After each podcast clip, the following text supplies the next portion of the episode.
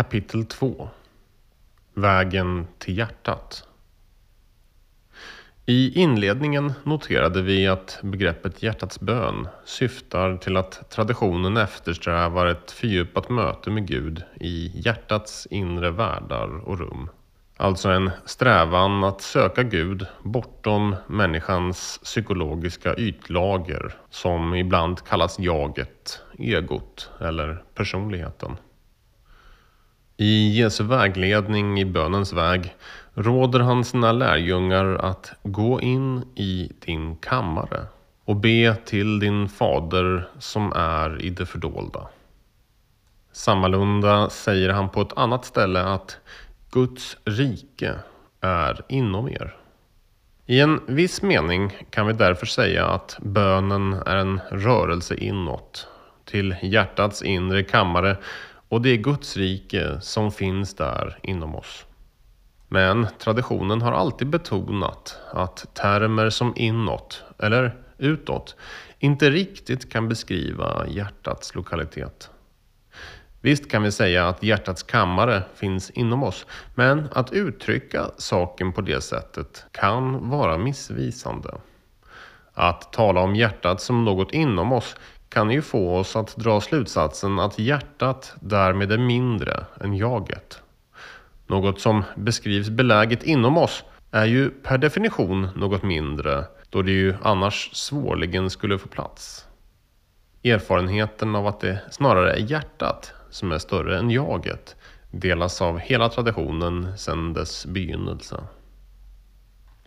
Ett annat sätt att tala om jaget och hjärtat är därför att vända på perspektivet och istället säga att jaget utgör en mindre struktur inom det större som traditionen kallar hjärtat.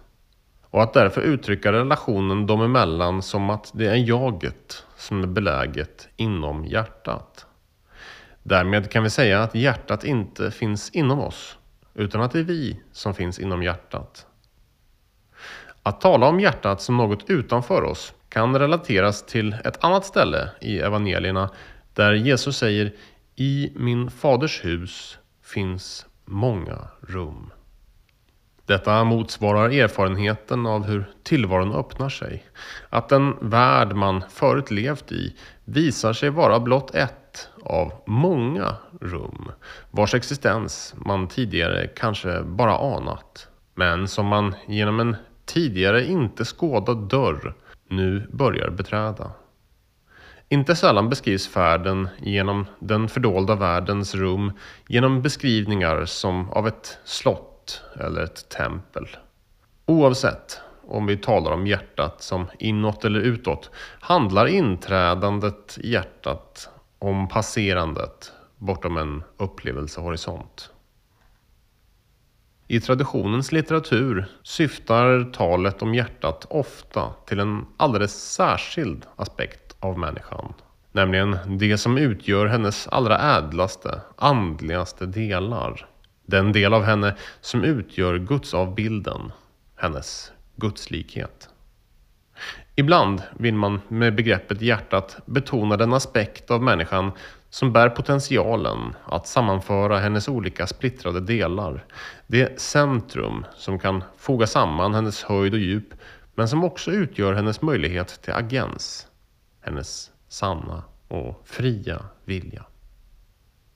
Nästan allt i Hjärtats böns tidiga historia är skrivet på grekiska och i fallet med den senare bysantinska hesykasmen fortsätter grekiskan att vara det centrala språket. De två grekiska begrepp som används för att tala om hjärtat är kardia respektive nos. Dessa begrepp används ibland, men inte alltid, som varandras synonymer. Ordet kardia betyder ordagrant just hjärtat, medan nos idag är mer svåröversatt. Två direkt felaktiga översättningar av nos är förnuft och intellekt. Åtminstone givet hur dessa båda begrepp används i samtiden. En vanlig översättning av nos är medvetande. Något som behöver understrykas inte främst bör förstås utifrån ett psykologiskt perspektiv, utan ett andligt. För den som uppskattar ordning och reda kan traditionens varierande sätt att använda sina centrala begrepp inledningsvis uppfattas en aning frustrerande.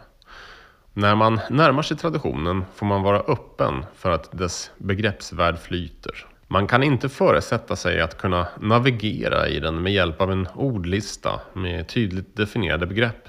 Utan får snarare se till sammanhanget, vad det är som åsyftas och hålla flera tolkningsmöjligheter öppna samtidigt. Traditionens användande av en medvetet vag och mångfacetterad begreppsvärld tillhör något av dess kännetecken. Den inbjuder oss att stiga in i en tillvaro som inte låter sig fångas och sorteras i system. Vildmarkens teologi och de andliga övningar som med tiden kom att utkristalliseras kring inträdandet i hjärtat spreds inledningsvis muntligt. Dels inom rörelsen men också i städernas kyrkomiljöer av personer som sökt sig ut i ödemarken för att där få andlig vägledning från någon särskilt ansedd helig person. Det var vanligt att man begav sig ut till ödemarkens eremiter för att efterfråga ett ord. Alltså en kort sentens att meditera över och söka efterleva i vardagen som andlig näring. Dessa visdomsord kunde vara anpassade efter personen som kommit för att söka rådet, men kunde även vara mer allmänna till sin natur. Det kunde också röra sig om pedagogiska berättelser ur livet från mer eller mindre kända munkar och nunnor. En del av de andliga råden och berättelserna kom att bevaras i en textsamling vid namn Apophtegmata ton patron, ord från fäderna. Ett urval av dessa finns på svenska under titeln Ökenfädernas tankespråk. Men en utmärkt nyöversättning av hela materialet tillgängliggörs också i takt med att den översätts i småvolymer på Silentium förlag. För den som läser engelska finns en samlingsvolym med hela Apophtegmata utgiven av St. Vladimir Seminary Press med titeln Give me a word. Att dra sig undan till ödetrakter, ja, fly världen, är ett utmärkande drag för den inre bön som rörelsen eftersträvade att kultivera och är en av anledningarna att hjärtats bön under lång tid knöts samman med klosterlivet. Undandragandet och flyendet från världen är bakgrunden till att vi än idag talar om att åka på retreat. Retreatbegreppet syftar nämligen just till detta retirerande, undflyende från världen och dess larm. Men var och en som varit på retreat delar nog erfarenheten av att bara ha kommit fram till retreatgården inte nödvändigtvis innebär att man därmed lösgjort sig från det man sökt undanfly. Även om livet i världen kanske är geografiskt långt bort gnager ändå tankarna om vardagen i huvudet. Abba Makarios, som blivit känd som en av den inre bönens stora mästare, sammanfattade en gång dagens undervisning till sina klosterbröder med orden Fly, mina bröder, fly. En av åhörarna undrade vart Makarios ville att de skulle ta vägen, då de ju redan lämnat allt och slagit sig ner i ödemarken. Makarios lyfter då ett finger över sina läppar, signalerande tystnad och uttalade orden Fly det. Och som för att illustrera vad han menade lämnade Makarios därvid sina bröder och slog sig ner ensam i tystnad och stillhet i sin bönekammare. Lämnandet av världen var alltså ett yttre hjälpmedel för att nå fram till den inre tystnad och koncentration som allmänt ansågs vara ett av de centrala förutsättningarna för att nå bortom tillvarons gräns och finna de gudomliga höjderna. Att en gång för alla klippt banden till världens sociala strukturer och ägande var ett verktyg för att kunna söka målet, men utgjorde inte målet i sig. Därefter följde sökandet efter en än tätare ensamhet och tystnad. Att söka Gud i ensamheten hänger samman med själva betydelsen av ordet munk, från grekiskans monakos, vilket betyder ensam, Alltså att göra sig själv ensam. Att samla sig själv till en. Till det enda. Den enhet som är Gud själv. Som är före och bortom mängd, delning och splittring. Men det var inte bara de som valde att isolera sig som eremiter som eftersträvade ensamheten. Även de som av olika skäl valde att leva i framväxande klostergemenskaper förväntades periodvis söka ensamhet. Kanske i någon grotta på mer eller mindre avstånd från bröder och systrar. Som medel för att nå fram till Guds enhet nämns flera olika strategier. Inte minst den andliga övning som en av fäderna beskriver börjar med orden Låt där enbart finnas du och Gud. Det vill säga att söka uppfatta allt i den inre och yttre tillvaron, inte bara som ett tilltal från Gud, utan som Guds omedelbara närvaro. Vid den här tiden och även senare blev recenterandet av texter från den gammaltestamentliga boken Saltaren en vanlig böneform i kyrkolivet och det framväxande klosterlivet. Men redan från rörelsens ursprung i den egyptiska öknen fanns en vanlig uppfattning att vid sidan om kyrkans vanliga böneformer behövde den munk eller nunna som ville instiga i tillvarons höjd också utforska andra metoder. Varför munkar och nunnor än idag i östkyrklig tradition kan välja att avstå den gemensamma saltarläsningen för att istället ägna sig åt hjärtats bön. I apoftegmata, men också i andra texter skrivna av personer som räknas till rörelsen eller stod den nära, samt texter som florerade inom denna mystika miljö, framkommer i någon form de flesta delarna av det vi idag samfällt kallar hjärtats bön. Den första och viktigaste delen är det som kallas ständig bön. Som bakgrund till strävandet efter den ständiga bönen hänvisade man till ett ställe i Nya Testamentet där Paulus uppmanar sina läsare att be ständigt. Sökandet efter den ständiga bönen finns alltså med redan från allra första början som en av de centrala målsättningarna. Relaterat till den ständiga bönen nämns i textmaterialet sådana företeelser som andliga visioner, den typ av himmelsfärder som är utmärkande för det pseudepigrafa materialet jagets död och gudomliggörelsen. Platsen där den ständiga bönen kunde nås ansågs belägen i människans centrum, hennes hjärta. Men vad i bestod den ständiga bönen och hur skulle man kunna nå fram till den? En metod som blir ett kännetecken för hjärtats bön är den repetitiva bönen. Det vill säga användandet av ett ord eller en mening som upprepas om och om igen. Den idag kanske allra mest kända formen för denna repetitiva bön, Jesus Kristus, Guds son, förbarma dig över mig, finns belagd från en munkcell i ett av de äldsta klostren i Egypten. Men också andra varianter förekommer. Abba Makarios föreslår att orden ska vara få och uttalas i koncentrerad tystnad. En utgångspunkt som ligger bakom att även kortare former av bönen förekommer, som Jesus Kristus, Guds son. Eller bara det enkla upprepandet av namnet Jesus.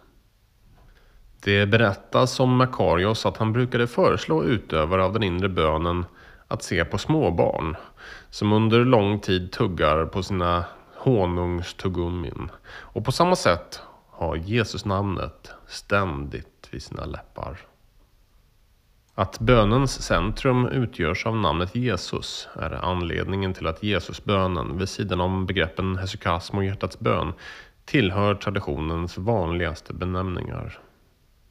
Som hjälp för ökad koncentration användes i anslutning till den repetitiva bönen flera olika metoder. Däribland sammanförandet av bönen med olika fysiska aktiviteter.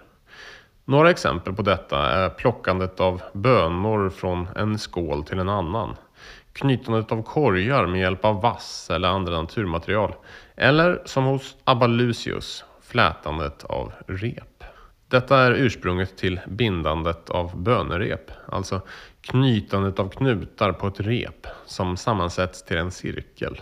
Både när bönerepet knyts och när bönerepet färdigställts kan en kort bön äga rum vid varje fingerförflyttning, knut för knut.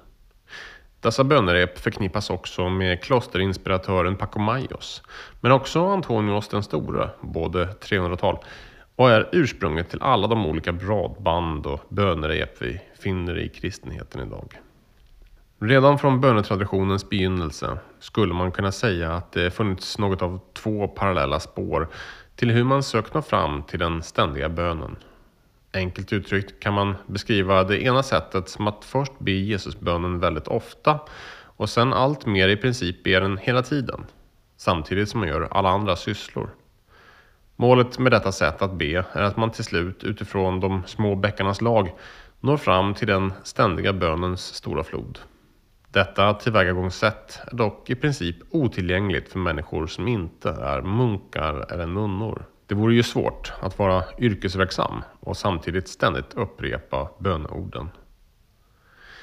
Det andra spåret handlar om att inom ramen för meditationen samla koncentration och sträva efter att nedstiga under jaget allt djupare ner i hjärtat.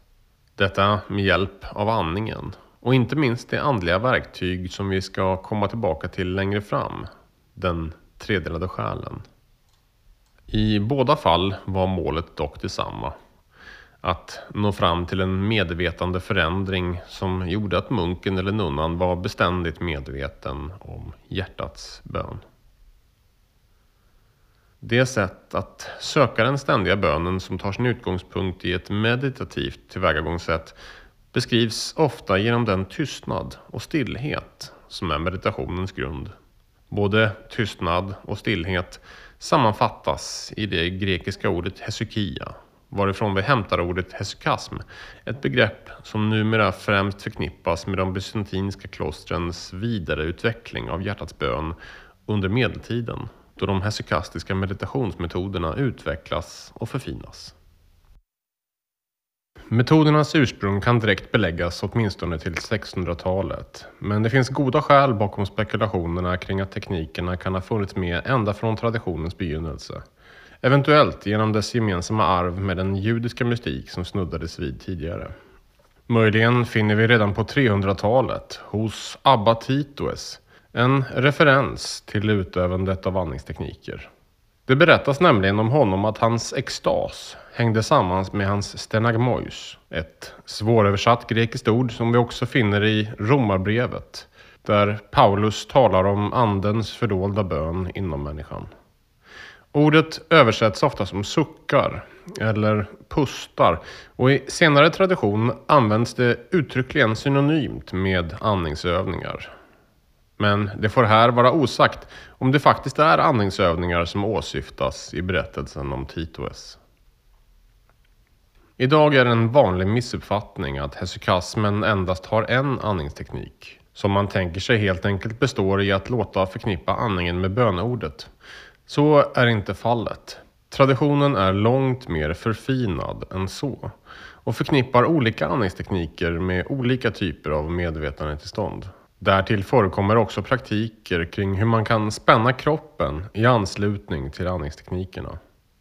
Inte minst utvecklas andningsteknikerna tillsammans med den praktik som vi kommer gå in på längre fram, nämligen traditionen kring den tredelade själen och blir i bysantinsk medeltid centrala delar av en praktik som beskrivs som att inom hesykasmen upptända den eld Jesus talar om med orden Jag har kommit för att tända en eld på jorden.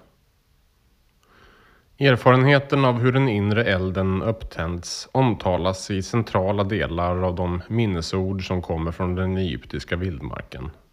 Abba-poemen föreslår uppväckandet av denna eld för att därmed kunna hålla de distraherande tankarna borta.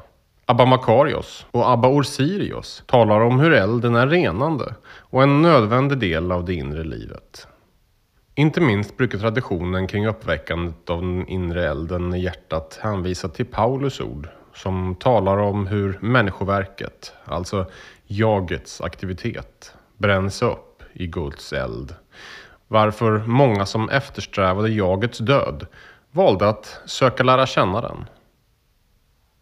Även om mötet med elden kanske först var som upptäckandet av en stilla flamma beskriver traditionen att övning eller nåd kunde få den att brinna mer intensivt och leda till transtillstånd där jag-identifikationen smälter bort.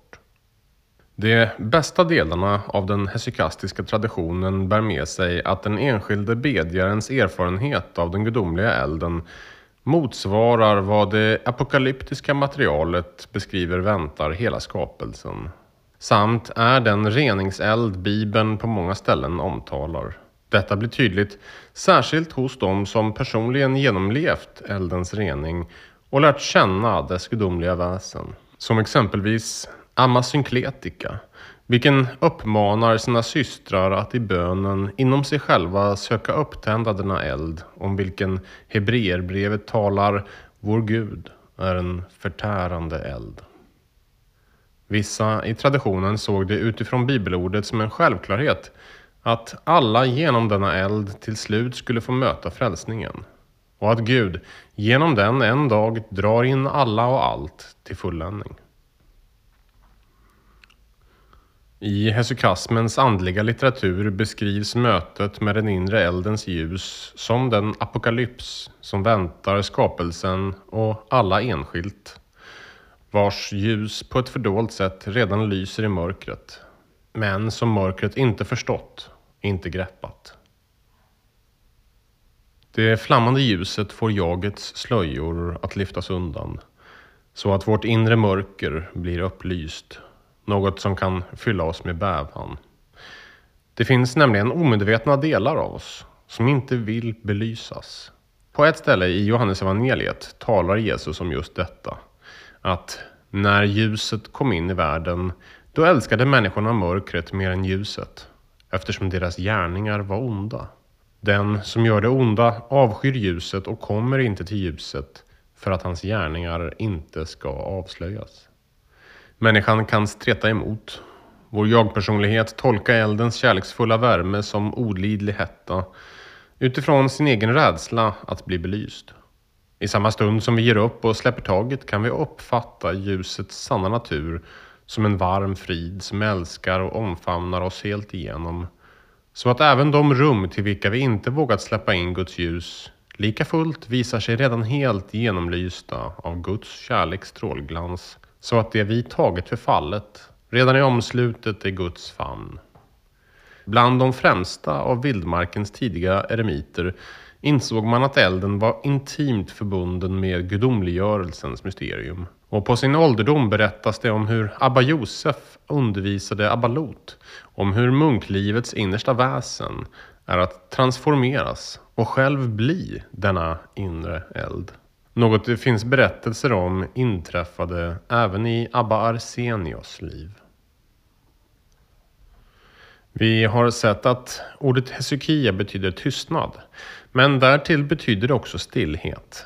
Och att odla denna stillhet är något som hänger samman med de olika meditativa metoder som alltmer utkristalliserade sig som den mest effektiva vägen in i hjärtat och till dess eld.